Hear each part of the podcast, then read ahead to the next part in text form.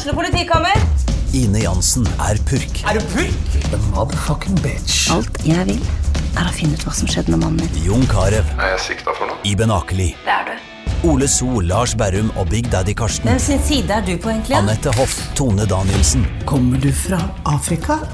Jørnis Josef, Nesten. Kløfta. Trond Espen Seim, Det er synd å si det, men det var feil mann som døde. Purk. Premiere tirsdag på TV2 Play.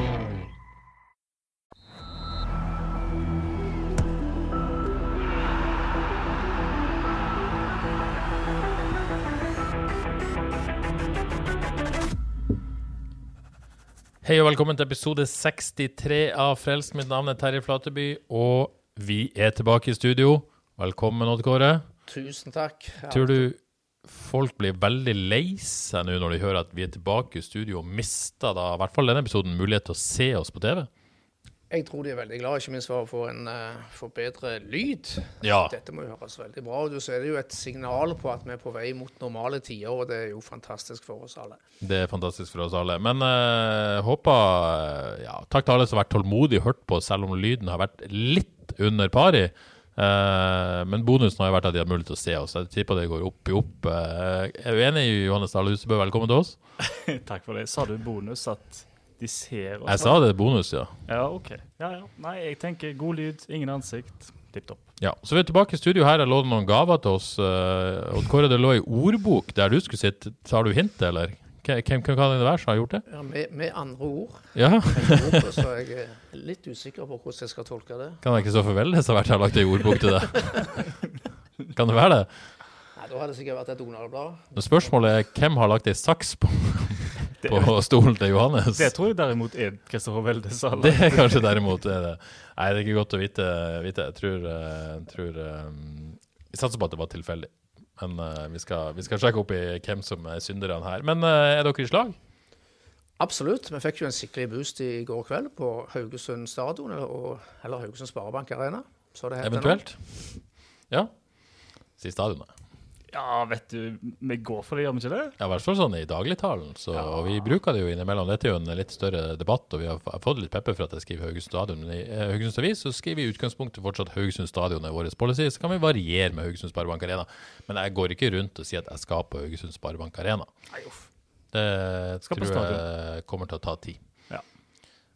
Tror aldri kommer til å si at jeg skal på Tot Tottenham Hotspur Arena heller. Det er fortsatt White Hart Lane, selv om de eh, faktisk ikke heter det engang. Men, men. En annen debatt. Da fikk vi iallfall uh, bekrefta at vi er gubber, og gubber vil vi være. Det vil vi være. Uh, I dag skal vi selvfølgelig først og fremst snakke om det som skjedde på stadion i går. Uh, så skal vi eh, se om vi kan få tid til å snakke litt om det som skjedde. Skal, skal skje på stadion på torsdag. Og så skal nok bli tid til noe ekstra snacks mot slutten, tipper jeg. Men eh, la oss nå begynne med, med det som skjedde i går. Eh, Odd Kåre, bare for å ta sånn eh, Skal vi si, bare slå fast at dette var årsbeste og var veldig gøy? Eh, Det var definitivt veldig gøy, og, jeg, og kanskje mer enn årsbeste. Det var Mer enn årsbeste? lenge, ja, vi jeg snakke om flere nå, faktisk. Det, Ja, såpass, ja. ja, det, er, det er lenge siden jeg har sett et så eh, si, underholdende og sjanseskapende og godt FKH-lag som spiller bra i 90 minutter fra start til mål. Så det var ja, Det er lenge siden jeg har kost meg så, så mye på stadion, kort fortalt. Ja, for det er et godt poeng. Det liksom har vært noen gode omganger her og der, men en hel kamp da, Uh, som er solid. Du er i det, Johannes, det, det perspektivet der? Helt enig. Jeg tenker jo, Det første jeg tenker, er jo Eureka. Og om eh, de kanskje kan ha knekt en kode med et grep de gjorde. Det kan vi sikkert komme tilbake til. Det kan vi komme tilbake hmm, Hvilket grep kan det være? Kan, hvilken grep kan det være? Men altså, dette var da Odd Kåre 3-0 mot et, et lag som ikke hadde sluppet inn mål på fire kamper. Eh, De hadde vunnet de fem siste, var kanskje formlaget i Eliteserien. Total forvandling mot, eh, fra mot Lillestrøm. Eh, Hva skjedde? Ja, hva skjedde? Altså for En utrolig forvandling fra, fra kamp mot Lillestrøm. Men der, der mangla jo det mest elementære. Eh, På Åsen så mangla det eh, innsats og tilstedeværelse og alt dette her eh, elementære. Nå var plutselig alt, alt tilbake, og de var heldige med, med laguttaket. Eh, formasjon. Eh, mange, de, alle spillerne så ut til å trives utpå der. Eh, tyder på at de eh, er på, på rett plass på, på laget. Eh, fikk, ut, fikk ut det beste i, i all- alle i går, følte jeg, på, på samme dag. Og da, da funka alt. Johannes, som tabloid sportsjournalist så er jeg ikke så glad i å være nyansert, men uh, vi må jo være det av og til. Uh, det er jo lett å si at dette var uh, kun taktikk. Det er lett å si at dette var kun uh, innstillinger som var forandra. Men var det på en måte en, en, en som du går inne på, flere brikker som falt på plass på et vis, som gjorde og som, som bidro til dette? Jeg syns det. Altså, hvis du ser på førsteomgangen, så hadde vel Discovery 65% i ballbesittelse. Favør FKH. Eh, og i målforsøk, altså tilløp til sjanser, kan jeg si, så var det 11-1. Så den første omgangen der, den er så dominant at du får, ikke, du får ikke til å være så dominant i Eliteserien uten at det er mange brikker som faller på. Men jeg syns jo det er ei brikke her som hjelper hele laget veldig. Og det er jo selvfølgelig da Sondre Liseth ned som en litt friløper. Ja, og hvis vi skal gå inn på det Han, eh, han kom jo uh, før sesongen. Uh, er jo en spiss, strengt tatt. Uh, FK har prøvd å på en måte få han inn på laget stort sett da, som en, en, en slags uh, ja, Jeg vet ikke hva vi skal kalle han. Det har jo vært en sånn hybrid mellom en 4-2-3 og en 4-4-2-variant. Men la oss kalle han en tier, la oss kalle han en hengende spiss. Det har fungert så der. I går Eller så der. Det, er, Det var strengt. ja, det var veldig strengt. Jeg syns Sondre Liseth har vært veldig god. Ja, sånn, ja. Så har, eh, har det for laget sin del fungert så der. Ja. Kanskje ikke så godt engang. Enig. Um, for å nyansere meg sjøl, da. um, men i går så tok de altså det grepet med å Vi var jo på trening på fredag, eh, Johannes, og så jo antydende til dette. Jeg spurte Slengte til, til Liseth er du FK sin nye indreløper. Nei, jeg er spiss. Han var ikke særlig glad for det. Nei, ja, altså, det var jo en spøk, men, men det, det var en undertone der at han har jo egentlig ikke lyst til å være indreløper. Men det funka. Det gjorde det, og eh, jeg Ja, kan vi kalle han indreløper? Du kaller han en friløper. Ja, men vi må altså, det, det en så der, iallfall uten ball, så lå de jo eh, ofte i 4-3-3, og da var han jo løper. Um, så av og til lå de i 4-5-1 og uten ball.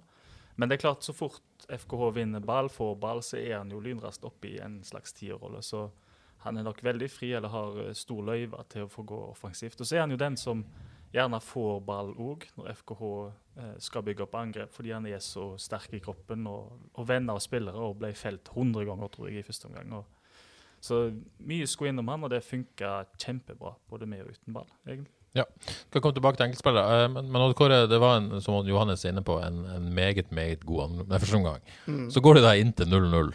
Eh, med 0-0, og det var jo eh, ganske utrolig egentlig at de gjør det. Så syns jeg jo når lagene kom ut av andre omgang, så er det jo Kristiansund som liksom begynner andre omgang best. Det varer ikke lenge, men da tenker jeg nå nå kommer den, den 0-1. Hva Tenkte du òg det, eller? Ja, det satt man der litt skummel. Ja, ja, ja. Skumle følelsen. Nå har de spilt bra en omgang, ikke fått uttelling. Og så regner du med at eh, Kristiansund gjør noen eh, justeringer og kommer opp på høyde og kanskje slår tilbake. Men så, så bare fortsetter FK i samme, samme spor, og det var, det var en fornøyelse. Så får de uttelling. og Var det litt sånn Altså Imponerende også mentalt at de klarer å stå i det når de ikke klarer å få uttelling, og bare maler på.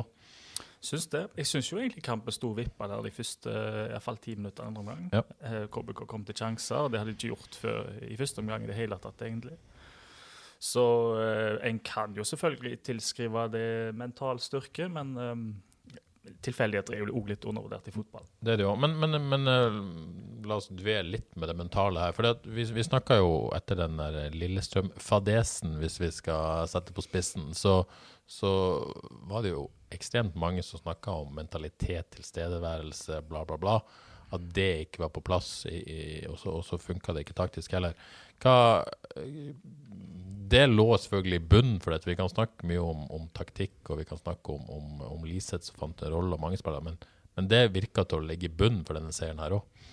Ja, eh, nå skal ikke jeg eh, Eller kanskje jeg skal det. Det, var, altså, det kom jo et lytterspørsmål da, hvorfor FKH varierer så mye, Ja. som jo er veldig sentralt. Og jeg har liksom tenkt litt på det. Hva er, hva er greia? Um, og det er selvfølgelig det der Altså, ting varierer, sånn er det bare. Men én ting som slår meg, er jo at um, under Johs, iallfall nå i de siste åra, så har det blitt uh, lov med litt mer frihet individuelt. Det er litt mer rom til å være eh, spiller, til å forsøke alt det der. hvor det gjerne før, under Hundland Emberland, var en mer uh, stram struktur, og en ble kjeppjagt der på plass. Og kanskje under uh, Jostein tidligere og kanskje under Mm. Jostein tidligere. Men jeg tror nå så er det, og det skisserer en jo i moderne fotball generelt òg, at det er mer individuelt, og da blir det, da blir det flere feil. Så når det krasjer skikkelig, sånn som mot Lillestrøm, så ser det plutselig forferdelig ut. Um, men utover den kampen så har jo egentlig FKH vært uh, solide, virkelig solide i år. Så så mye svingning er det vel kanskje heller ikke. Men den svingninga, jeg tror uh, Jostein Grine var inne på det, om det var før eller etter kampen i går, det, var jeg ikke, det er jeg ikke sikker på, men at FK har på en måte hatt Eliteseriens yngste startoppstilling òg, Kåre. Hvor, hvor mye kan man Og dette er jo også en, en, en, liga der det svinger enormt. Bare se på Viking, f.eks., som, som er helt sjukt ustabil. Det er mye ustabilitet. Ja, mye ustabilitet i den ligaen, og FK på en måte har vært blant de lagene, men, men dette med et, med et ungt lag, og man på en måte har en bevisst satsing på, på, på ungt, og, og delvis også lokalt, da, at det, det også bidrar til dette, tror du? Ja, det, ja klart, det, klart det spiller inn, men på, på, på andre sida så har vel kanskje FKH den stallen med mest kontinuitet over de to siste sesongene, så de har spilt med mye av de samme spillerne. Så det er så litt, litt begge deler av det. Ja. Men, men det jeg òg vil gjerne vil si, altså, dette er første gang de stiller med akkurat dette laget her, med Liseth som indreløper.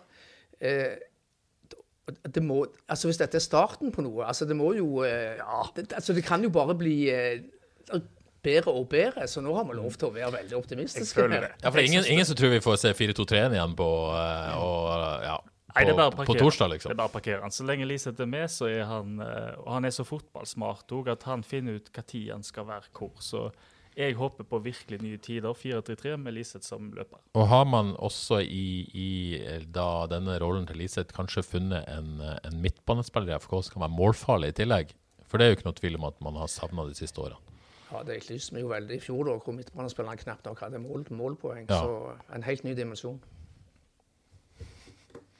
Uh, ja, uh, men, men uh, er det, er det men hvor, hvorfor, altså Vi snakker om Liseth, vi har egentlig bare snakka om Liseth her nå. Men, men det er jo ikke bare Sondre Liseth som, som gjør at denne 4-3-3-en plutselig satt i går.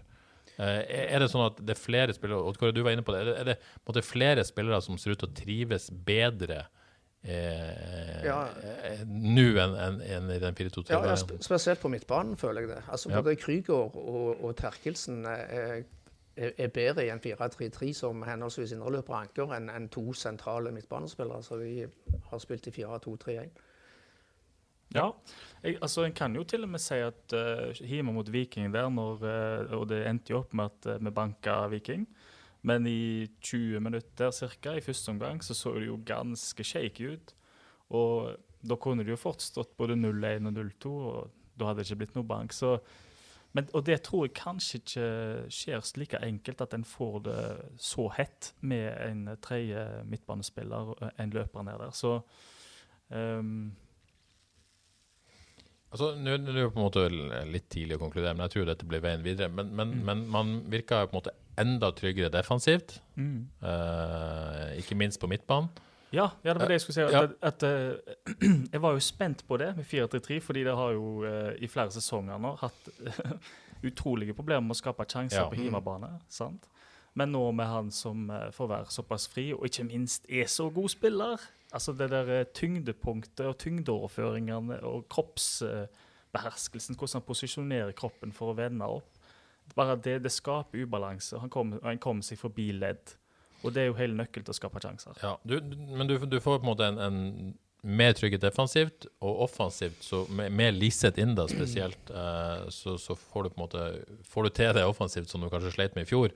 Men som enkeltspiller virker det som Krygård trives bedre med to midtbanespillere foran seg, på et vis.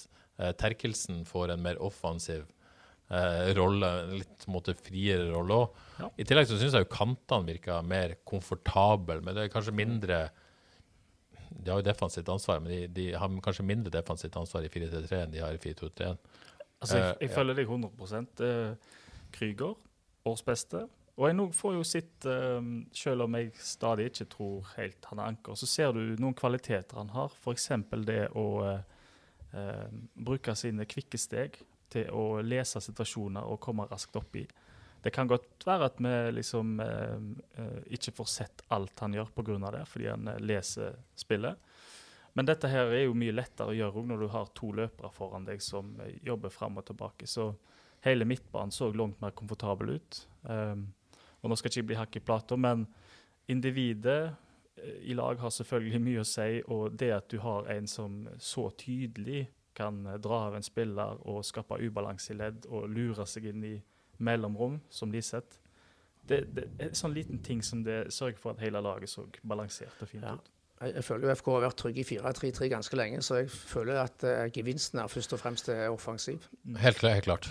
Altså Defensivt har jo på en måte det er jo, altså, jeg, jeg tenker jo at hvorfor man har eksperimentert med noe annet, er jo som du er inne på, helt klart fordi man sleit med å skape sjanser på hjemmebane i fjor. Og for å få plass til både Liseth og Wadji, selvfølgelig, og, og utnytte den stallen maks. Eh, Men det klarer man jo kanskje faktisk Ja. likevel. Oi, men det er veldig spent på, som, som jeg så, som du sa på trening der, om Liseth syns det er stas. Jeg håper virkelig jeg syns det er stas, fordi altså, han kommer jo til å eh, gå videre til større klubber han, om et par sesonger, tror jeg, hvis han fortsetter på denne måten. Men jeg, jeg tenker, hvis du måte skal sette seg inn i Sondre Liseth sitt hode Det er sikkert veldig vanskelig, for det kjenner han ikke så godt. Men, men han er jo på en måte vokst opp som spiss. Han er spiss. Identiteten hans er som spiss. Eh, men så er han jo en spiss som ikke har skåra særlig mye mål, da. Eh, det må jo være lov å si på, på dette nivået, da. Det må jeg si. Eh, og hvis han på en måte kan etablere seg i en, en eh, mer tilbaketrukket rolle og være så god som han har vært, så da blir han ikke nødvendigvis bare målt på det. Det er veldig lett å måle en spiss på nesten, hvis du i hvert fall ikke ser hver dag, så, så måles du spisser på statistikken. Det er ikke noe å komme unna. Men nå kan han måles på helt andre ting. Eh, og det må jo være en fordel for han på et vis karrieremessig òg, tenker jeg da. Jeg føler deg 100% på den. Så det, egentlig det koker jo ned til kun én ting, da. Identiteten hans. Ja. Kan han gå fra å være, tenke på seg sjøl som spiss til å tenke på seg sjøl som en litt friløper? ja, så det er det sånn jeg tror jeg må, eh, må snakke med ham. Jeg er spiss. Så får Jeg tror trodde han skulle gi deg en på tygga. etter. Ja, ja, han smilte da. Ja. Smilte. Sander er fin, han. Så jeg var ikke så redd for det. Men eh, jeg er veldig spent på, på måte, hva han tenker sjøl om dette. og hva han vil. Jeg, jeg kan ikke tenke meg at han vil si noe annet at han spiller der det er best for laget. Men hva han på en måte egentlig føler om dette, det er jeg litt spent på. Ja, det så ut som du- en pirka litt borti litt sånn her mm. Men av og til Men så da var det litt ferskt for han kanskje òg. Ja, på sant. fredagstrening. Jeg vet ikke om de hadde testa det før. Og han visste at laget var ikke tatt ut og i det hele tatt. Det er noe med det òg. Først så det er jo helt naturlig at det er litt motstand mot det først. Og så merker han jo vel sikkert sjøl hvor, hvor utrolig bra det gikk i går. Så kanskje vi er midt i en sånn forvandling, da. Eh, hvis vi går litt inn Nå det høres ut som du hadde noe på hjertet? Nei? Nei, jeg føler meg bare trygg på at Sondre Lise kommer til å gjøre en kjempejobb for FK, uansett hvor han blir satt. Det er vi helt enige om. Men jeg tror han kan gjøre en enda bedre jobb hvis han på en måte tar rollen helt også mentalt, på et vis. Altså, enda bedre. Ja, ja, ja. ja vi, vi, vi krysser fingrene. Uh, hvis vi går litt på enkeltspillere. Egil Selvik eh, var ikke den som sørga for at eh, FK vant i går, men den står jo fram som, som Han står, framstår veldig trygt og godt og tar de redningene som han skal og må gjøre. Eh, Litt, eh, kan vi skryte litt av de som styrer spillerlogistikken i FK? Unnskyld, nå blir jeg litt eh, Nei, det, det er det ikke lov til her i podkasten. Men altså, de har, de har hentet, de har hentet Det må vi prøve å eh, unngå. De henta to nye spillere vel i vinter. Ja. Det var Egil Selvik og Sondre Liseth. Og Badou. Og. Og Peter Terkel. Jeg Peter ikke skal sies. Ja. Men herlighet, altså. Egil Selvik og Sondre Liseth, så de har levert. Ja, jeg vil jo eh, altså nest Altså det er jo litt rart, men nesten skryte mer av Egil Selvik-signeringa på ett vis. Fordi at eh, motstanden eh, var ingen som skjønte egentlig hvorfor man henta en ny keeper. Eller det si, ingen er å sette på spissen, men folk var skeptiske til prioriteringa av å hente en ny keeper.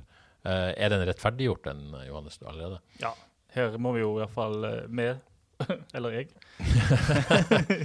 legge seg eh, flat. Det, og en, jeg visste iallfall ingenting om Helge Sandvik sin situasjon heller, sant? så det var jo kanskje litt mer nødvendig enn en, enn, eh, en visste fra utsida. Men uh, for å ta det som skjer på banen, da, måten han framstår på og har framstått på i uh, Eliteserien til nå er bare, det, Jeg så en tweet i går om at uh, det går ikke lenge før han er aktuell for landslaget. og det det tror jeg virkelig på. Jeg så, jeg bare ta den. Jeg så eh, børsen når jeg er helt enig, at, og han fikk en sekser, sant? Og det er jeg helt enig i, men jeg så Folkets børs, der var han eh, over, over sju nå.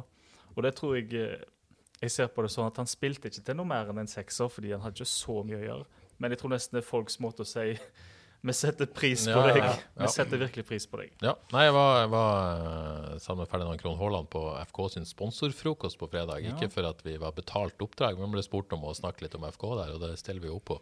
Og Da ble jeg spurt av Runar Nordvik eh, hvilken FK-spiller som var mest sannsynlig fikk se et internasjonalt mesterskap for Norge. Da svarte jeg faktisk Egil Selvik. Hei, hei. Eh, eller dagens FK-spiller vil kunne se et mesterskap. Jeg tror, eh, altså Med hans alder er jo en veldig veldig fin keeperalder nå, og framstår i Eliteserien sånn som han gjør nå. Så hvis han fortsetter med det, så, Støttes. så, så blir det veldig spennende å se veien videre. Så må vi jo snakke litt om Mikkel Desler. Hæ? Eh, er det, er det Eliteseriens beste høyreback akkurat nå? Eh, ja, når du ser hva, hva høyrebacker de finner fram på, hos opp på det norske landslaget, så må han vel kanskje være Å, hvem du? ja, det er. Nei, det er lenge siden jeg har sett en, en god norsk høyreback, for å si det sånn. Så jeg vil påstå Mikkel Desler kanskje er den beste høyrebacken i Ja, sier du at Hvis han hadde vært norsk, så hadde han vært på landslaget. Ja, det, det er i hvert fall i troppen. Ja, det tror jeg òg. Jeg, jeg, jeg vil jo nesten si at det er ganske mange bra norske høyrebacker, men ingen leverer helt på landslaget. Uh, Desler har levert kamp etter kamp i nå sin tredje sesong. Og han er dansk, selvfølgelig. Ja, Men er det mulig å få han til å skifte statsborgerskap? Han har jo bare Han har ikke A-landskamper for Danmark ennå. Kan det gå? Jeg tror Men det, men det handler ikke bare om kvaliteten hans, men det har noe med altså, innstillingen og hele altså, hvordan han framstår i kampene med, med den gutsen og trøkket framover. Altså, jeg, jeg elsker det, som sånne høyrebacker.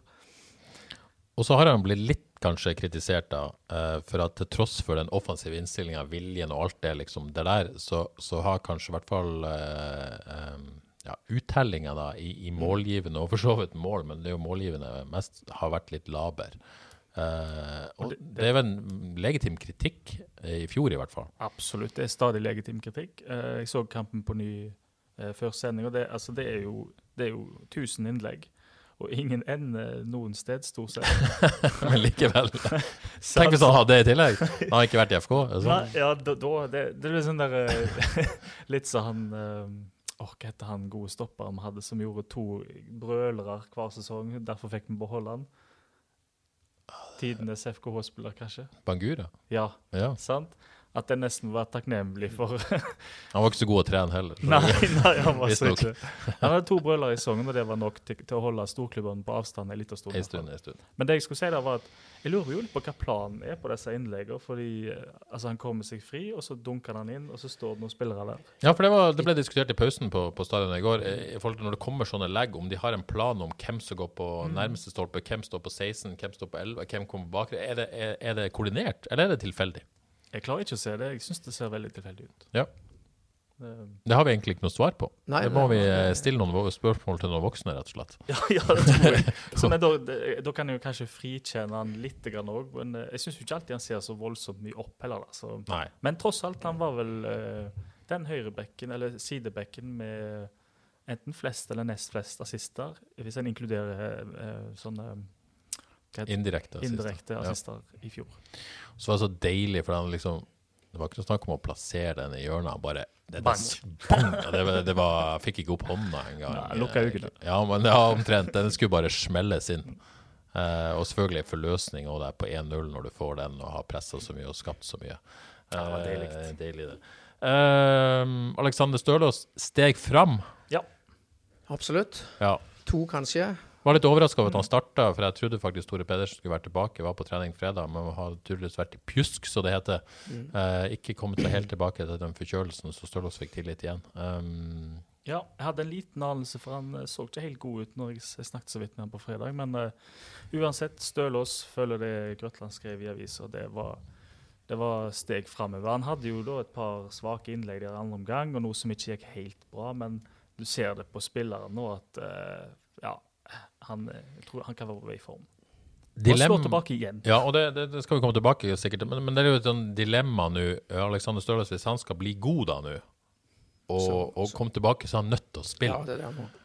Eh, og hva gjør du da når Tore Pedersen kommer tilbake, som etter min mening kanskje har vært FKs altså, ikke FKs beste, men blant de beste, eh, før han ble sjuk nå? Der har du, der har du en, eh, et, et dilemma for FK. Men eh, nå jump jumped the gun her. Vi skal komme tilbake til den. Eh, men, men Stølås på vei. Eh, Benjamin Tidemann, at ikke han skårte i går.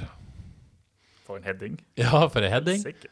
Og den, eh, det, det skuddet vel òg, det var en vanvittig bra redning av McDermott eh, tidlig. Ja, i andre Ja, gang, ja, ja. ja. Eh, Kom opp med ei hånd der, Ja, og så bare eh, skjøt vel fra fem meter omtrent. Stemmer. Så ja. Men uh, det er jo ikke derfor vi skryter av Benjamin Tidemann, for at han var nesten holdt på å score.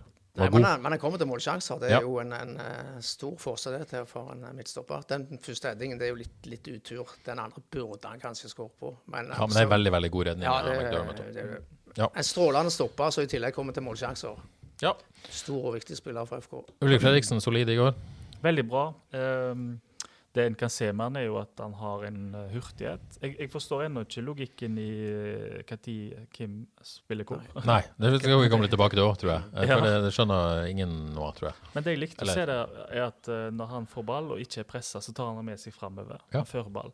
Um, han er litt panisk òg, så han, eh, han får litt hetta når han fører han fram eh, noen meter. Men bare det at han øver på det, gjør at eh, han kan Hvis han får til det og blir trygg på det, så kan han, kan han jo selvfølgelig bli en eh, kjempestopper, for han har jo i grunnen alt, da. Ja. Krüger har vi snakka om. Vi har snakka om Sondre Liseth. Eh, Petter Terkelsen kanskje ikke så mye å snakke om solid kamp. Uh, virker som han trives bedre når han får litt mer offensive frihet enn han gjør som, som en av to sittende, vel. For en utvikling på han. synes jeg. Ja, jeg syns Ja. han mestrer begge deler. Han, han er FKH-spiller, han nå. Ja. Han er FKH-spiller. Og fikk jo ikke så mye se det i går, men å få han mer i boks kommer helt klart å gi uttelling på et eller annet tidspunkt.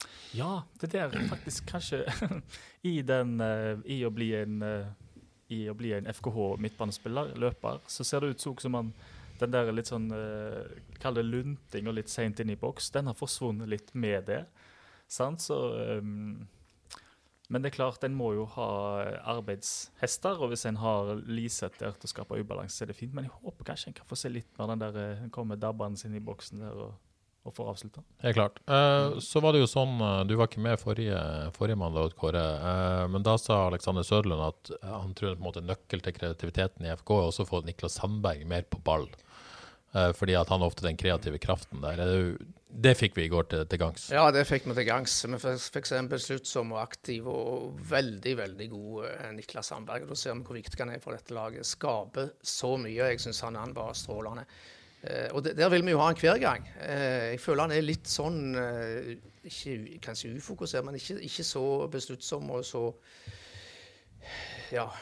Ikke så aktiv som han var i går. Så jeg, der vil vi ha det hver gang, Niklas, og det tror jeg du vil sjøl òg. Vi så at du hadde det veldig veldig gøy ut på det i går. Og litt krydder på slutten, og, fikk selvfølgelig straffespark. Og da var det ingen tvil om at hvem som skulle ta det, for å si det sånn. Bare banka han selvsikkert i mål. Og fint å se. Veldig fint. Altså, for de som eh, hørte spillerrådet, så var det når han hadde sesongen sin i Kisa, så var det visst en fast diett på torsdagen med karbonader og speilegg. Ok? Og det tror jeg han forsøkte nå, Ja. og det ble mål. Det er karbonader og speilegg som er resepten. Jeg, jeg tror det. Jeg hører Ok. Dette må du bare fortsette å spise, Niklas. Det funker som bare F. Ja, og jeg syns jo Altså, det Det med Niklas Sandberg er Og jeg så, en, jeg så det litt i femminuttersperiode i første omgang der, at uh, hvis han gjør én en enkel feil, så blir det fort to. sant? Det er litt av problemet. og det å, Som Odd Kåre sier, det der med å holde fokus hele kampen. Han er ikke der helt ennå. Men du ser det eksempel, og det så ut som en plan de hadde, at når Liseth får ball og vender opp, så kommer av og til Niklas inn og får ball videre.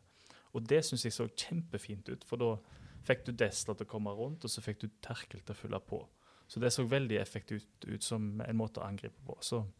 Og totalt sett, så mye som han eh, skaper fra side til side, og så relasjonell fin han er. sant? Alle får tro på det når han har ball. De vet at de får ballen hvis løpet er godt, eh, og, og alt det der. Så nei, enig. Han, eh, I det oppbyggende spillet så må han jo bare få, få ball så ofte som mulig, egentlig. Jeg vet ikke om Velde var helt enig. Han var i en veldig god posisjon i første gang på et tidspunkt der ikke fikk at Svan- Sandberg ikke var helt fornøyd. Eh, Kristoffer Velde ehm, hadde innlegget som, som Tidemann hedda i, i, eh, i, i tverrliggeren der, men, men jeg syns han hadde en ganske sånn svak førsteomgang. Ja. Gjorde mer eh, ja, svakere enn han var god, i hvert fall. Og så kommer jo andreomgangen, da. Og så er det jo han som, som, eh, som slår to målgivende. Den siste, den til Wadji i hvert fall, var. Var, var strålende, rett og slett. Så du måtte får, får de tingene der, og da er det jo eh, Det er alltid litt. Selvfølgelig. Det var ingen fakter, ingen filming, men det var Ja, ja hva, hva, hva, ingen fakta, ingen filming. Hadde han tatt til seg ordene til Søder fra sist, eller hadde han ikke det? Det er klart, når Søder taler, da lytter en. Ja. Nei, nei, det vet jeg faktisk ikke om stemmer, men, men han eh, hadde iallfall ingenting. Men han var jo allikevel utrolig tent på å eh, vise hva han kan i første omgang, så det ble litt grann av FK Velde der en stund. Men i andre omgang så leverer han jo to lekre assister, så da er det jo eh, FKH igjen. Men det, men det er interessant det der med om liksom, for han- Kan det være at selv om han virker som en spiller som må på en måte ha det tenningsnivået og liker at folk fyrer litt, men at han også trenger det der fokuset på, på alt annet, at det kan være litt distraherende. For i går var han, var han jo veldig på, måte, på og var egentlig ikke borti, i hvert fall ikke så jeg så, sånne situasjoner som, som var provoserende eller kasta seg eller whatever. Så han var på en måte fokusert på det han skulle gjøre, da, virka som. Og det, at det, kanskje det funka. Ja, han, han hører på frelst, og det må han bare fortsette med. Ja, Han hadde jo ikke hørt på sist, men han hørte sikkert på eh, for å høre hva Sødre hadde sagt etterpå. Så har du han eh, midtspissen, da. Ja, Ja, Hvis han fortsetter som dette, så er han jo potensielt solgt for sommeren. absolutt. Hva skal vi si? Det var en vajisk Ja. eh, eh, kamp for han. Um, det er pluss og minus, men Mm. skårer mål og er farlig, så Og det som var litt godt å se, at jeg har sett han bomme en del ganger når han kommer alene, sånn som ja, Det er ikke en klasseavslutning heller. Nei, han får han under McDermott der, Ja. men, men det, så, så kanskje litt heldig, muligens. Jeg tror det. Men, men uh, han satte han i hvert fall, og det Traff tror jeg mål. er viktig. Ja, han traff mål. Uh, og forhåpentligvis kan det jo det også gi han selvtillit uh, på det han skal gjøre videre. Så var jeg litt sånn usikker, i hvert fall når jeg var på stadion, om han hoppa over den med vilje. eh, som gikk til Velde, fra Velde. Og, men, men jeg, jeg har sett prisen. Han gjør det med vilje. det, det så bevisst ut. Ja, ja, ja, jeg, jeg sier jeg var usikker når jeg så det live, men det ja. God skriver den. Ja, men det? Jo, ja, ja, men jeg tror faktisk det, altså. Ja. Så det var et, eh, var et veldig fint overhopp. Um, så var det noen innbyttere, men det var noen på en måte som ja, har noen notert på, på Var Bruno først og fremst da, som fikk minutter? Ja, Bruno var vel, fikk vel ekstra lite grann. Eh, greit, greit nok. Ikke så mye å snakke om. Um, men du skuffet jo voldsomt til FKH. Dette KBK-laget, som har vært så godt, var det Altså, de var jo drita misfornøyd med sin egen prestasjon. Var det et eh, var, Det er jo alltid to lag når man spiller fotball. de, ble jo over, de ble overkjørt. De ble overkjørt, men, men hadde de en dårlig dag? Var det FK som var Altså, det er jo alltid en diskusjon. Men hadde de eh, mm, Ja, stilte de ikke opp? Var de, eh, var de var en venta nedtur? Hva, hva skjedde med KBK? Ja, hva skjedde? Men altså, det de, Dette er laget som ikke hadde sluppet inn mål på fire kamper. Jeg syns jo ikke de så tent ut fra start, skikkelig. Men, men, men de, de fikk jo en sjanse i pausen. Altså, De går inn og er heldige til 0-0. Ja. Og da forventa i hvert fall jeg at de skulle, skulle heve seg og komme opp på noenlunde normalt nivå. Men de hadde ikke sjans, rett og slett. Nei. De hadde en ti, ti gode minutter etter pause hvor de så påskrudd ut, men uh, utover det Nei, det var, altså, det var jo ett lag, kun ett lag på banen. Så eh, mye må jo tilskrives til FK Haugesund, det tror jeg virkelig. Ja. Men, eh, og de hadde nok bestemt seg for å, for å være tålmodige KBK og ligge og vente litt på, på FKH. Men at FKH skulle komme med så mye både taktisk innstilling og ferdigheter, det tror jeg ikke de hadde forventa. Tror du kanskje at de burde ha lest Haugesunds Avis? Ja. Uh, før, uh, før de kom til Haugesund? Uh, Hvorfor leser de ikke Haugesunds Nei, det er Kristian Mikkelsen. Du må begynne å lese Haugesunds Avis. Så har du kanskje visst at du kom i Liseth og Finnseth. Ja. Nei, det er en skandale. Det er sikkert en kampanje. Fem kroner og fem uker eller noe sånt. Kristian Mikkelsen, kjør på. Ja, Tidens Krav er jo Ja, det er bare sikkert noen ekstra kroner på Tidens Krav-abonnementet, så kan jeg lese Haugesunds Avis. Så null problem. Av mediefamilien. Kjør på. Eh, publikum tilbake. Det var jo stas. Ja, perfekt. Fantastisk, det òg. Var det 2000 der? Eh, var det 2000 der, Odd Kåre? Eh, ifølge Jon Harald Log så var det ca. 1500 inne. Ja. Eh, og for å at ingen skal påstå at FKH lyver på seg 500 tilskuere, så er det helt vanlig å telle alle sesongkort som er solgt. Derfor blir det også 2000. Men når 500 da Det kommer man ikke ut fra. Unna. Ikke valg å bruke den billetten sin. Er det Om man ikke klarer å fylle opp to- to- 2000 når man endelig får sjansen, er, er det litt kjipt? Er det et lite skår i gleden her? Ja, det var jo litt, eh, litt skuffende. Kanskje hadde det noe Det er lov å si det. Ja. Det, det er ikke, ikke flaut. Det er ikke, ikke flaut, nei. nei. Så Litt, altså. I- Og nå hadde den Lillestrøm-kampen der nylig, men hvis, dette kom, hvis denne kampen kom rett etter Vikingkampen, hadde det endra på noe? Jeg håper det. Eh, Ja. For de var jo knakende gode. Så skal det jo til alles forsvar. Det er jo, sånn som jeg forsto det, så er det jo sånn opplegg der man får tilbud om billetter, så man er frist på søndag og sier ja eller nei, og så ble det lagt ut billetter. Og da er det jo veldig få timer igjen til kamp, og man kan ikke basere seg på at man har lagt planer for helga og sånn og sånn. Uh, så det er sikkert mange grunner til at det ble sånn. Poenget. Eh, men, men poenget står i hvert fall at man klarte ikke fylle opp kvoten på 2000 på stadion. Det syns jeg jo er litt kjipt. Vi har en pandemi bak, bakgrunnen her, så Men sikkert spiller litt inn. Ja. Men det kommer 2000 på torsdag. Ja, skal vi gå på torsdag? ja, hjelp. Yes. Eh, Brann på stadion. Eh, altså, Nå får vi se med tilskuere, men jeg syns jo nesten de kampene der, altså før pandemien, har vært de gøyeste i året. Sånn, sånn oppmerksomhet tilskuermessig, masse folk fra Bergen og sånn. Nå får vi ikke det i år, men det, for meg er det nesten blitt større enn FK Viking. Altså sånn trøkk. Ja, jeg eh, jeg har enda mer lyst til å slå Viking. Ja, det skjønner jeg. I, Altså, nå- jeg, jeg har jo ikke den supporterfølelsen som, som du sitter med, liksom. Men, men så, så jeg skjønner jo den. Men jeg er helt enig med deg. Det har vært utrolig kjekke kamper, mye, og mye på grunn av at eh, bergenserne kommer og lager helsike i Haugesund. Ikke helsike, lager liv. sant? Selvfølgelig hadde det vært noen viktige kamper der, at Absolutt. ting har stått på spill. Det var sånn vippepunkt i sesongen, og vært, var, på- på slutten man kjempa om medalje på et, for et par år siden der òg. Og gode, spennende kamper. Ja, Så, og en del mål, faktisk. Ja, nei, det må bli bra, dette. Eh, og da må det komme 2000 på stadion. Det kan være, være liten tvil om. Men eh, da er spørsmålet stabiliteten. Klarer FK å levere to kamper på rad?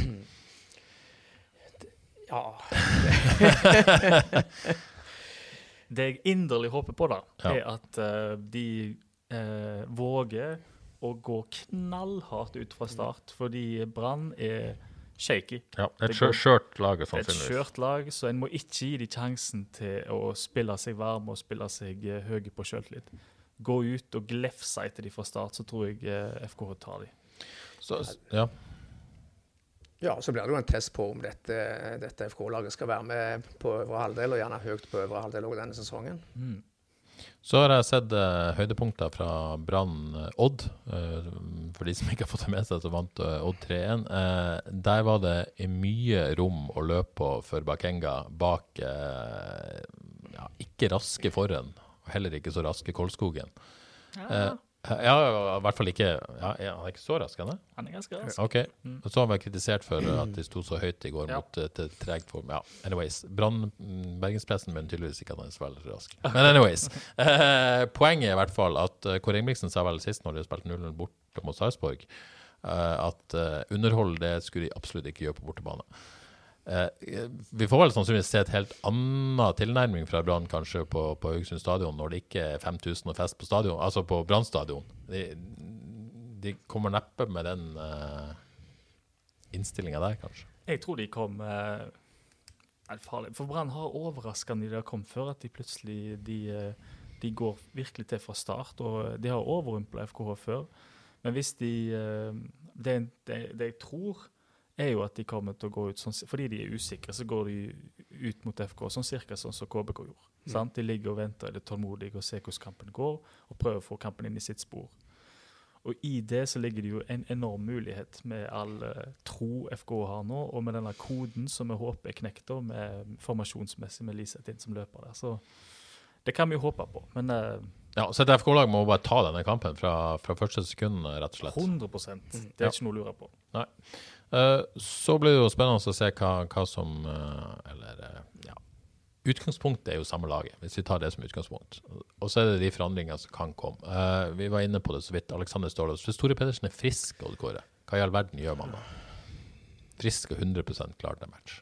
Nei, det er jo et luksusproblem. Men eh, Stølås klarte seg helt fint nå, og jeg syns han skal få, få fornya tillit. Jeg syns alle elleve som spilte i går, skal fortjene fornya tillit, og bør få det. Ja. Ingenting å tilføye. Helt enig. ja. Jeg syns det er mer å tape på å vrake Stølås nå, enn det er å eh, vinne på å la han fortsette. Hvis du vraker Alexander Stølås nå, så, så må du bruke litt tid på å ja, få han tilbake. Altså, han trenger tid nå, og selvtillit, og, og både fysisk og, og mentalt på et vis. Og, Ja, jeg ja. tenker mentalt etter den, eh, etter den kampen mot Lillestrøm, og så reiser han seg på denne måten nå. Jeg kan ikke vrake han da. Det går ikke, det. Men samtidig, hvis Jostein Grinøy og Espen Bull Tornå sier at hvis vi skal vinne denne kampen, så er det bedre å ha Torbjørn Altså, skal de tenke eh, skal de tenke langsiktig, eller skal de tenke på denne kampen?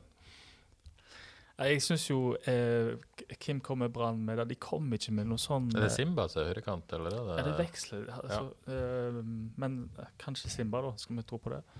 Så eh, det er bra spiller, men eh, det er ikke mer enn at det er ingen som kommer til å, å løpe fra han uansett, tror jeg, selv om han er driblesterk og alt det der. Ja, Hadde dette vært borte mot Molde, så hadde vi satt en Tore Pedersen. Da er det verre.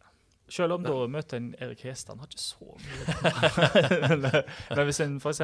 tar, tar uh, mot Lillestrøm, da, så du har Mathisen og han uh, Ranger, Lars Ranger, så hadde jo de så mye tempo at det, det, Ja. det ble et helsike for dem. Og nå tror jeg òg at FKH må ta sikte på å dominere kampen, sånn som mot KBK. Og da er han så viktig i det offensive at uh, det er et poeng der òg. Ja. Nei, men jeg syns både det kortsiktige og langsiktige er rett å bruke Stølås i neste kamp, med tanke på det de elleve gjorde, gjorde i går. Men hvis du tenker langsiktig, da. Jeg mener jo Tore Pedersen eh, fortjener plass i elveren på et eller annet vis. Hvis du vil ha langsiktig størrelse på venstrebacken Nå stiller jeg de vanskelige spørsmålene. Hvor vil du ha Tore Pedersen? Vil du ha han? Tore, I en Peder, de beste elvene. Tore? Pedersen eh, får, eh, får være potet. Jo, Og kommer- det er ikke noe svar på spørsmålet mitt. Og kommer til, få, kommer til å få spille mye også i år. Fortsatt ikke noe svar på spørsmålet mitt. Det kommer til å bli skader, det kommer til å bli gule kort og karantene, og Tore Pedersen får spille mye. OK, Odd Kåre nekter svar. Uh, Johannes, har du et svar? Hvis det er beste elveren din eh, og Alexander Størvold, er, er han den langsiktige løsninga? Og hvor er det i så fall plass til Tore Pedersen? Og selvfølgelig, Odd Kåre har jo rett, det kommer jo suspensjoner, det kommer skader, det vil på en måte være plass, men, men uh, hypotetisk. Det. Ja, Det er rett og slett utrolig vanskelig spørsmål, fordi uh, den venstre Det var ikke Ja, det det- svaret du ville Nei, ha. nei, nei jeg, jeg vet. Nei, Det var ikke meninga å eh, Nei, Nei, men det jeg skulle si, var at òg fordi den han har foran seg, er Kristoffer Welde. Og det å få, å bli, få et godt samarbeid med han er ikke alltid like enkelt. Og det er jo selvfølgelig godt og vondt, fordi hvis det er en mann du har lyst skal være alene med keeper og avgjøre kampen, så er det Kristoffer Welde. Han er individuell. Så det å liksom at Stølås og Welde skal få et fruktbart samarbeid, det vet jeg vel kanskje ikke om, helt om kommer til å skje. Um, så jeg syns rett og slett at det er vanskelig å tenke langsiktig på den sida. Jeg tenker når Desler, som helt sikkert forsvinner etter sesongen, så er det en høyreback-plass ledig der, og uh, den, uh, den kan jo kanskje Tore P da uh, sikre seg og bli værende i. Um, om Stølås er god nok å, å spille fast venstreback over en hel sesong defensivt. Kan vi få Altså, vi skal komme tilbake til stopperplassen, men kan vi plutselig få en sånn type situasjon på venstreback? Og det er jo ganske vanlig å rotere backer. Eh, det er vel nesten den plassen det blir rotert mest på på eh, Molde. i moderne fotball. Eh, kan man få en situasjon der man velger litt, eh, velger litt spillertype på backen ut fra, fra motstander, taktikk, bla, bla, bla? Eh, at det kan være på en måte en vei videre, da. Og at begge på en måte vet at eh, de er gode nok, men at man, man på en måte begrunner det med, med det. da.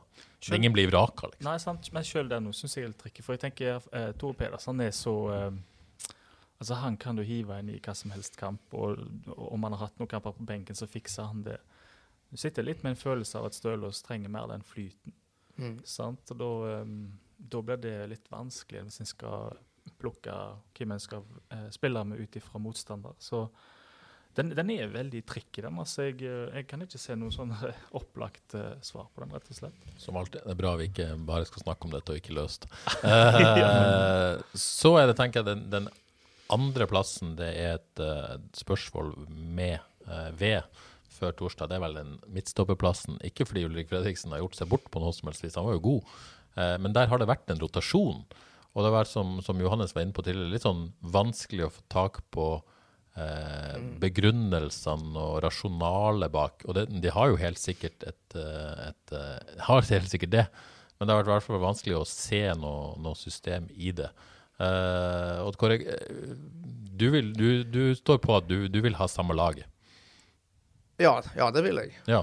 Det er jo interessant her nå med to bergensere som kjemper en innbitt kamp om en plass. Tenk på det, en klassisk eh, forhåndssak i Haugesunds Avis. eh, Årets kamp for begge to, og eh, de kjemper om samme plass. Ja.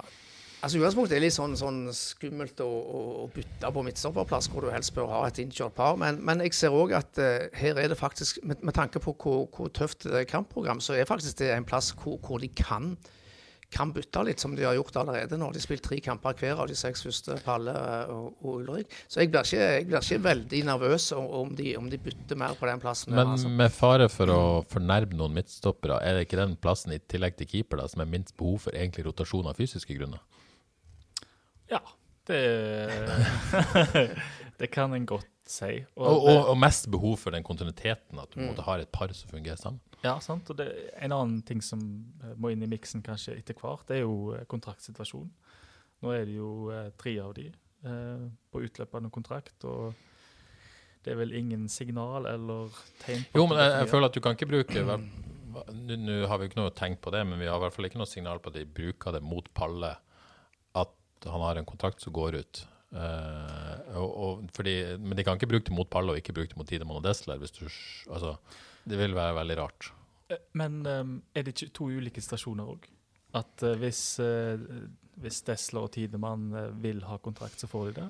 Jo, Men sannsynligvis. Hvis, hvis Palle sier jeg vil ha kontrakt, og det tror jeg han sier, så er det ikke helt sikkert at han får det. Jo, det er jeg enig i, men jeg føler ikke at det gjør at de skal bruke det mot Palle.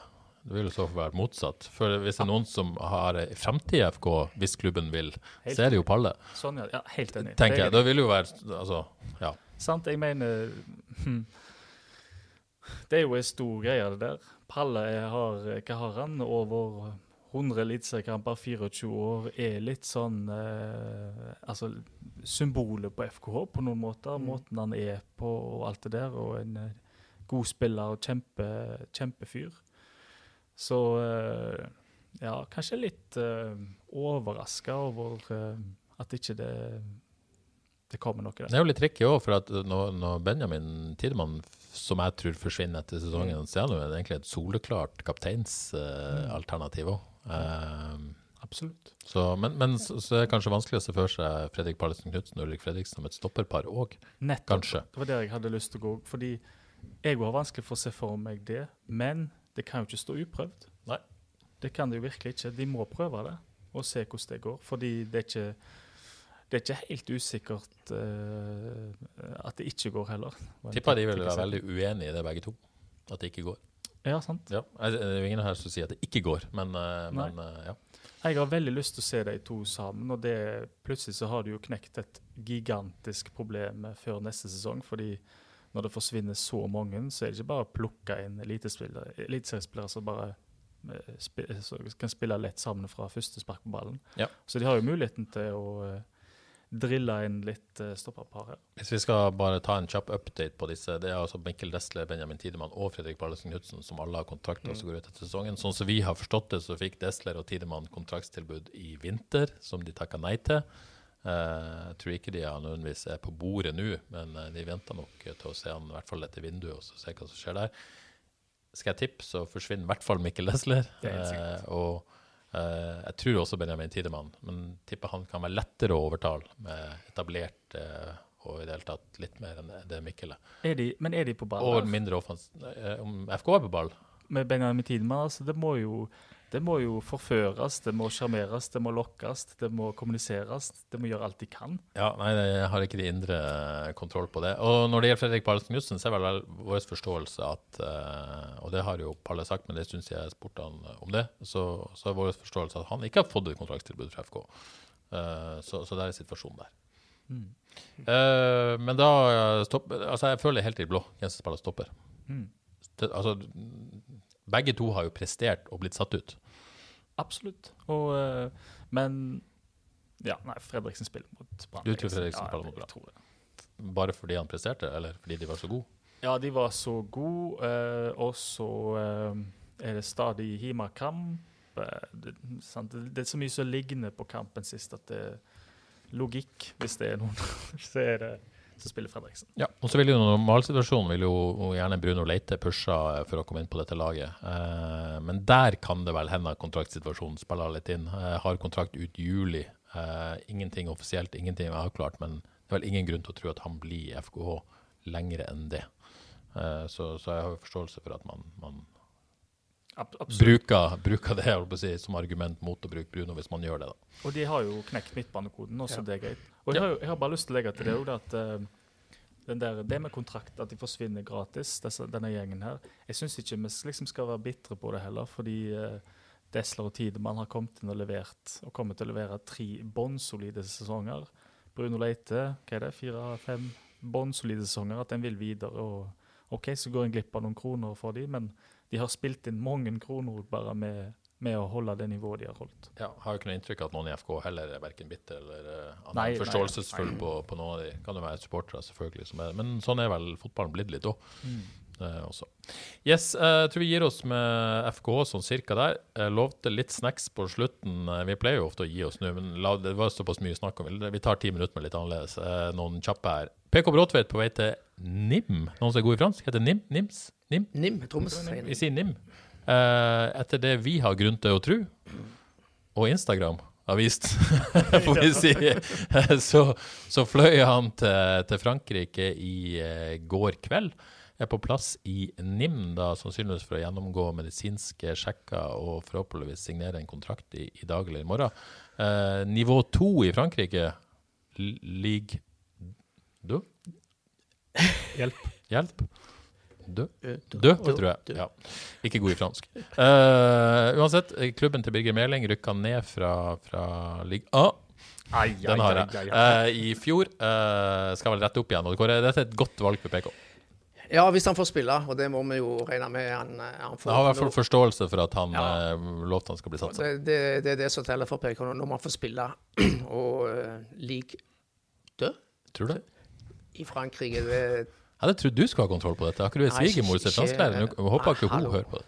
Nei, nei hun, hun tror jeg ikke hører på. Så det går greit.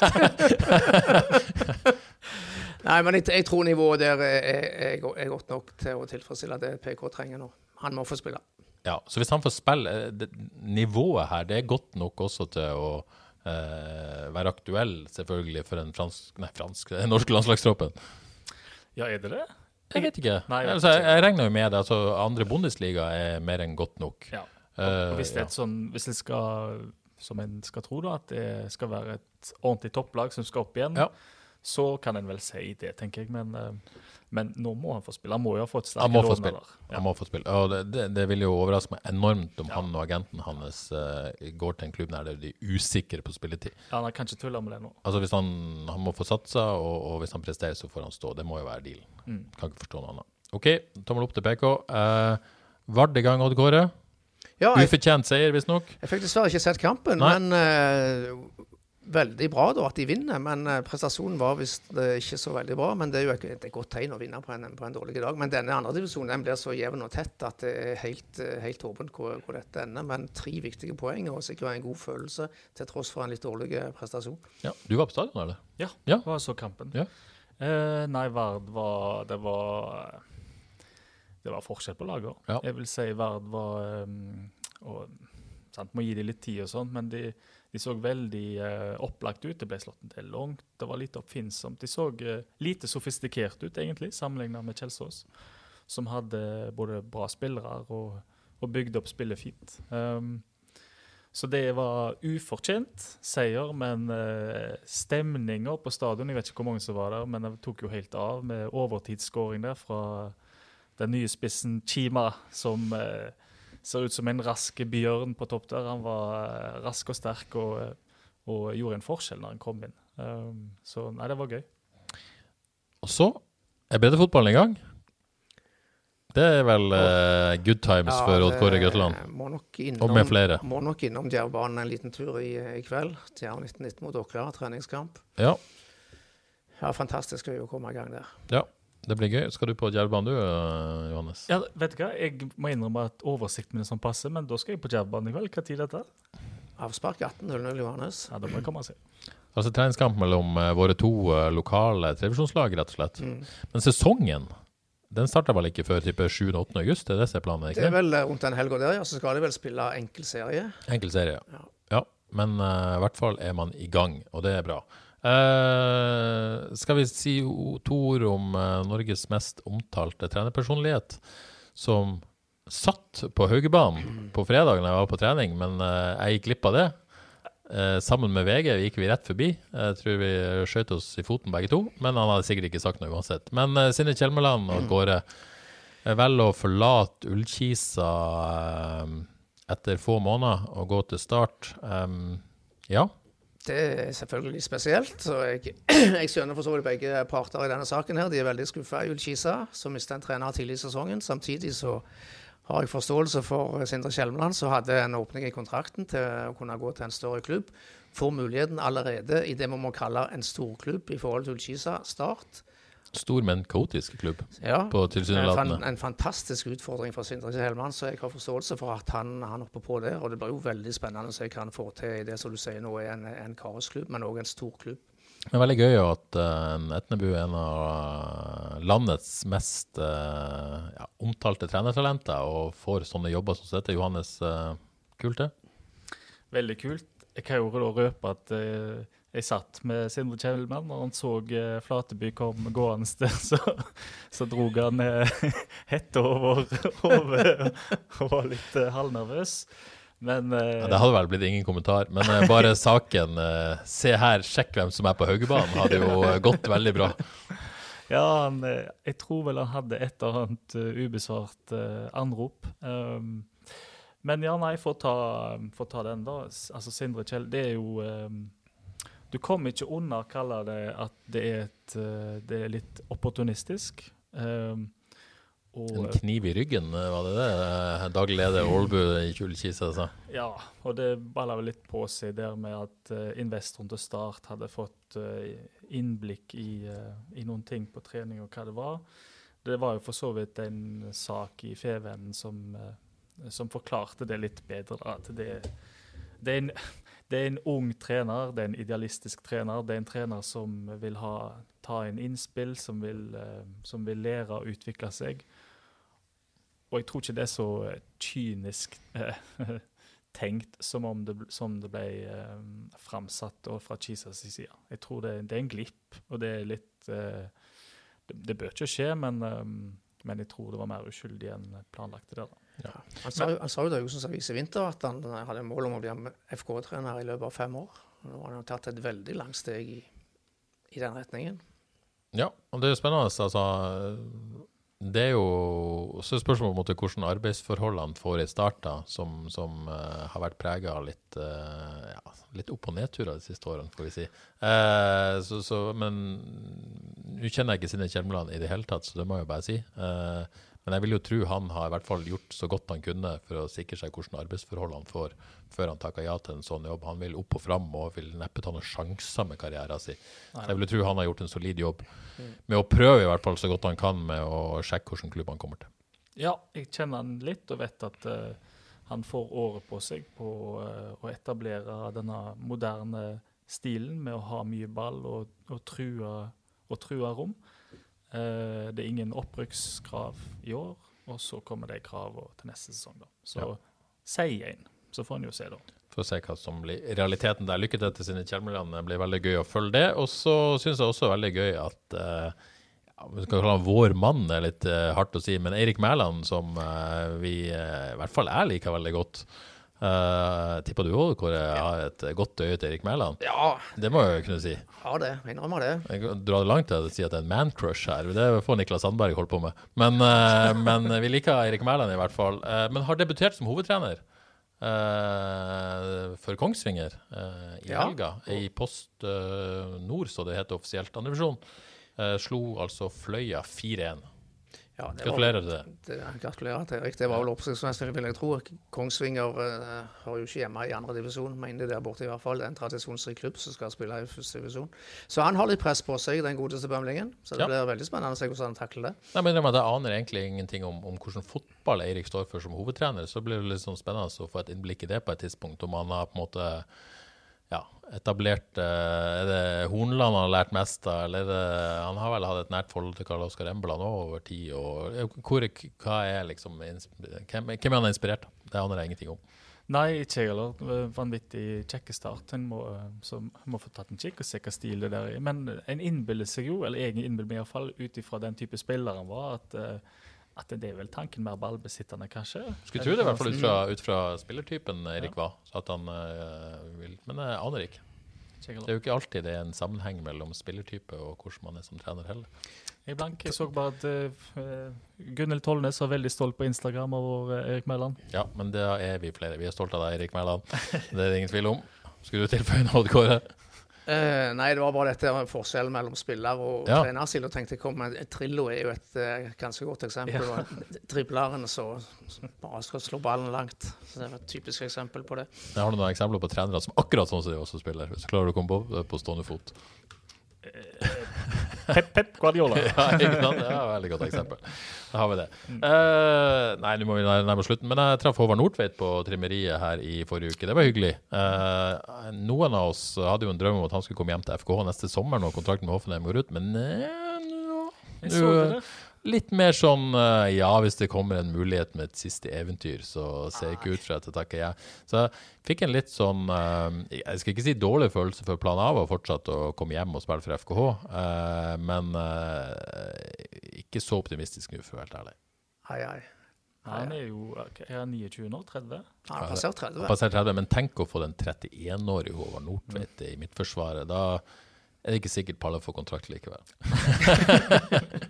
Nei, da spørs det. Da spørs det. Men, eh, men eh, det er klart, eh, for en, for en signering det ville vært for FK hvis de på en måte kunne hente han hjem og han spilte for uh, Si at OK, jeg tjener nok penger i karrieren min, jeg kan spille helt til OK normal lønn for FK.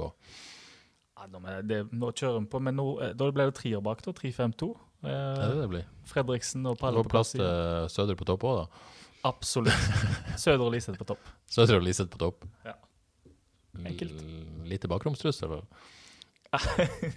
Ja, altså det er litt tempo i Liseth Ja, på de første meterne. Ja, jeg vil ha Håvard i FK-drakt neste høst. Krysser fingrene for det. Krysser fingrene for det. Uh, Nå må vi gi oss, men eh, EM, gøy? Gøy. Gøy, rett og slett. Veldig gøy. Mye bra fotball, Og en del tilskuere på noen av kampene. ikke minst i Ungarn. Ja. Nei, det, det er veldig kjekt. Og vi gikk jo glipp av eh, kampene i går, men Ja. det, det må ha vært spennende med, med, med Wales kom seg videre. Men, eh, men det var så vidt der ut ifra resultatet. Ja, nå er vi i gang med siste runde i gruppespillet. Nå drar det seg skikkelig til. Nå drar det seg til. Jeg går alltid inn i mesterskap her på England, altså hvis ikke Norge er med, da. Alltid England og Italia som mine lag. Alltid vært. Um, Italia, altså? Ja. Hvorfor? Uh, fikk en uh, landslagsdrakt uh, fra min far, var i militæret. Han var på kurs i Lazio utenfor Roma i skal vi si 1983-84. Kom han hjem med en Juventus-drakt med Rossi på. Hjem til Junkeren. Ja, ja, hjem til Junkeren og en italiensk landslagsdrakt. Eh, siden den gang så har jeg vært glad i Italia. Og har reist mye i Italia òg. Har du det, ja? ja? forkjærlighet for Lazio? Eh, Nei, absolutt ikke. Ingen. Nei, det er litt sånn uh, fascistklubb, så jeg prøver å holde meg unna Lazio. Men, uh, men uh, glad i Italia. De fineste, draktene og de kuleste navnene. Yes. Uh, så mitt spørsmål er eh, Jeg har Frankrike som fortsatt EM-favoritt, eh, selv om de kanskje ikke har overbevist så voldsomt uh, når de gikk inn i mesterskapet. Hold på det. Noen som har forandra mening? Eller ja. Eh, Har dere sett noe som gjør at eh, Frankrike har på papiret det beste laget og er favoritter, men jeg håper og tror Belgia får, eh, får At denne generasjonen til Belgia får, får sitt gull nå. Eh, ellers er jeg veldig imponert av Italia, men jeg tror de mangler litt X-faktor. Fantastisk lag og innstilling og alt dette her. Veldig kjekk å se på. Så de må vi òg regne med. disse gamlingene i forsvaret til Belgia, du tror ikke de blir for trege når det kommer til stykket? Det kan, det kan fort være. Men, Selv om jeg men jeg, jeg håper Jan Fertongen, altså. Super-Jan. Det er noen gamlinger bak i Italia sitt forsvar òg. De eh, snakker vi ikke om. ja, det er jo legendariske gamlinger, det må jeg lov å si. Nesten mer legendarisk enn alle foreldre og Fertongen. Men det kommer jo alltid en liten overraskelse, gjør det ikke det? Hvem, hvem, hvem, hvem kan det bli? Danmark. Ja, du tror fortsatt på Danmark? Alt kan skje der ennå. Ja, det hadde vært en super eh, romantisk England. historie. Ja, Danmark og England. Men eh, hvis jeg skulle Det var hjertet, men hjernen sier at eh, Nei, Jogiløv, Tyskland. Nå kommer de. Ja, for de har vært litt sånn dark horse, for de har ikke, ikke vært noe gode i kvaliken. Og løv på utgående, og eh, de fleste mener han er over kanten, holdt på å si, egentlig er utdatert på et vis. Men så slår han tilbake nå. Og Tyskland. Ja, han, eh, han De skal ha en uh, buse med i spillet. De skal ha det, ja, rett og slett. Ja, nei, det blir eh, veldig spennende å følge med på det òg. Eh, det vært fristende å si vi var tilbake på fredag etter brannkampen, men jeg tror egentlig ikke det. Jeg tror vi må vente mandag, men vi får se hva vi finner på. Hvert fall eh, Skal vi nevne at Avaldsnes spiller borte mot Rosenborg i morgen? Det kan vi nevne. Direkte på avis.no. Veldig bra. Um, Steintøff sesongåpning fra Avaldsnes. Ja, det ja, han, Det, det er brutalt. ja, ja, det er brutalt, og det, det er litt kjipt. Altså, for du kommer så langt etter at uh, du ser at du har ikke noen sjanse til å kjempe deg opp. Så det er litt av Altså, det blir en mental utfordring, dette her. Ja, for du liksom det som møter de fire beste lagene i, i se- Ja. sesongåpninga. Og man må jo være så ærlig at sannsynligvis så taper de i morgen òg, så står de med null poeng etter fire kamper. Det er brutalt. En mental utfordring. Men um, Steinar Lein på Avaldsnes, rett og slett, kommer for å prøve å ta alle tre poengene. Eh, vet vi noe om tilskuere på Avaldsnes? Får du lov å ta imot um, Nei, au- au- det er, det er Trondheim. Det er Trondheim, selvfølgelig. Ja, ja, ja. ja. Da er ikke det noe tema. Men- Selvfølgelig er det Trondheim, ja. Men apropos Steinar alene, Rosenborg har vel ikke tapt ennå i, eh, i toppserien på én sesong og fire-fem kamper. Ja. Så så han skifta profilbilde på Facebook her om dagen, så han er på hugget, Steinar Lein. Rett og slett. Jeg tror, jeg tror vi eh, Og med de ord Med de ord så gir vi oss eh, for i dag. Tusen takk for at du kom, Johannes. Tusen takk for at du var her, Odd Kåre. Ikke minst eh, tusen takk til Skal jeg tippe at det er ikke altfor mange lyttere som har hengt med oss 1 time og 5 minutter. Men hvis det er noen som er der fortsatt, tusen, tusen takk for at dere hørte på oss alle den tida. Så lover vi å være tilbake om ikke så lenge. Ha det bra.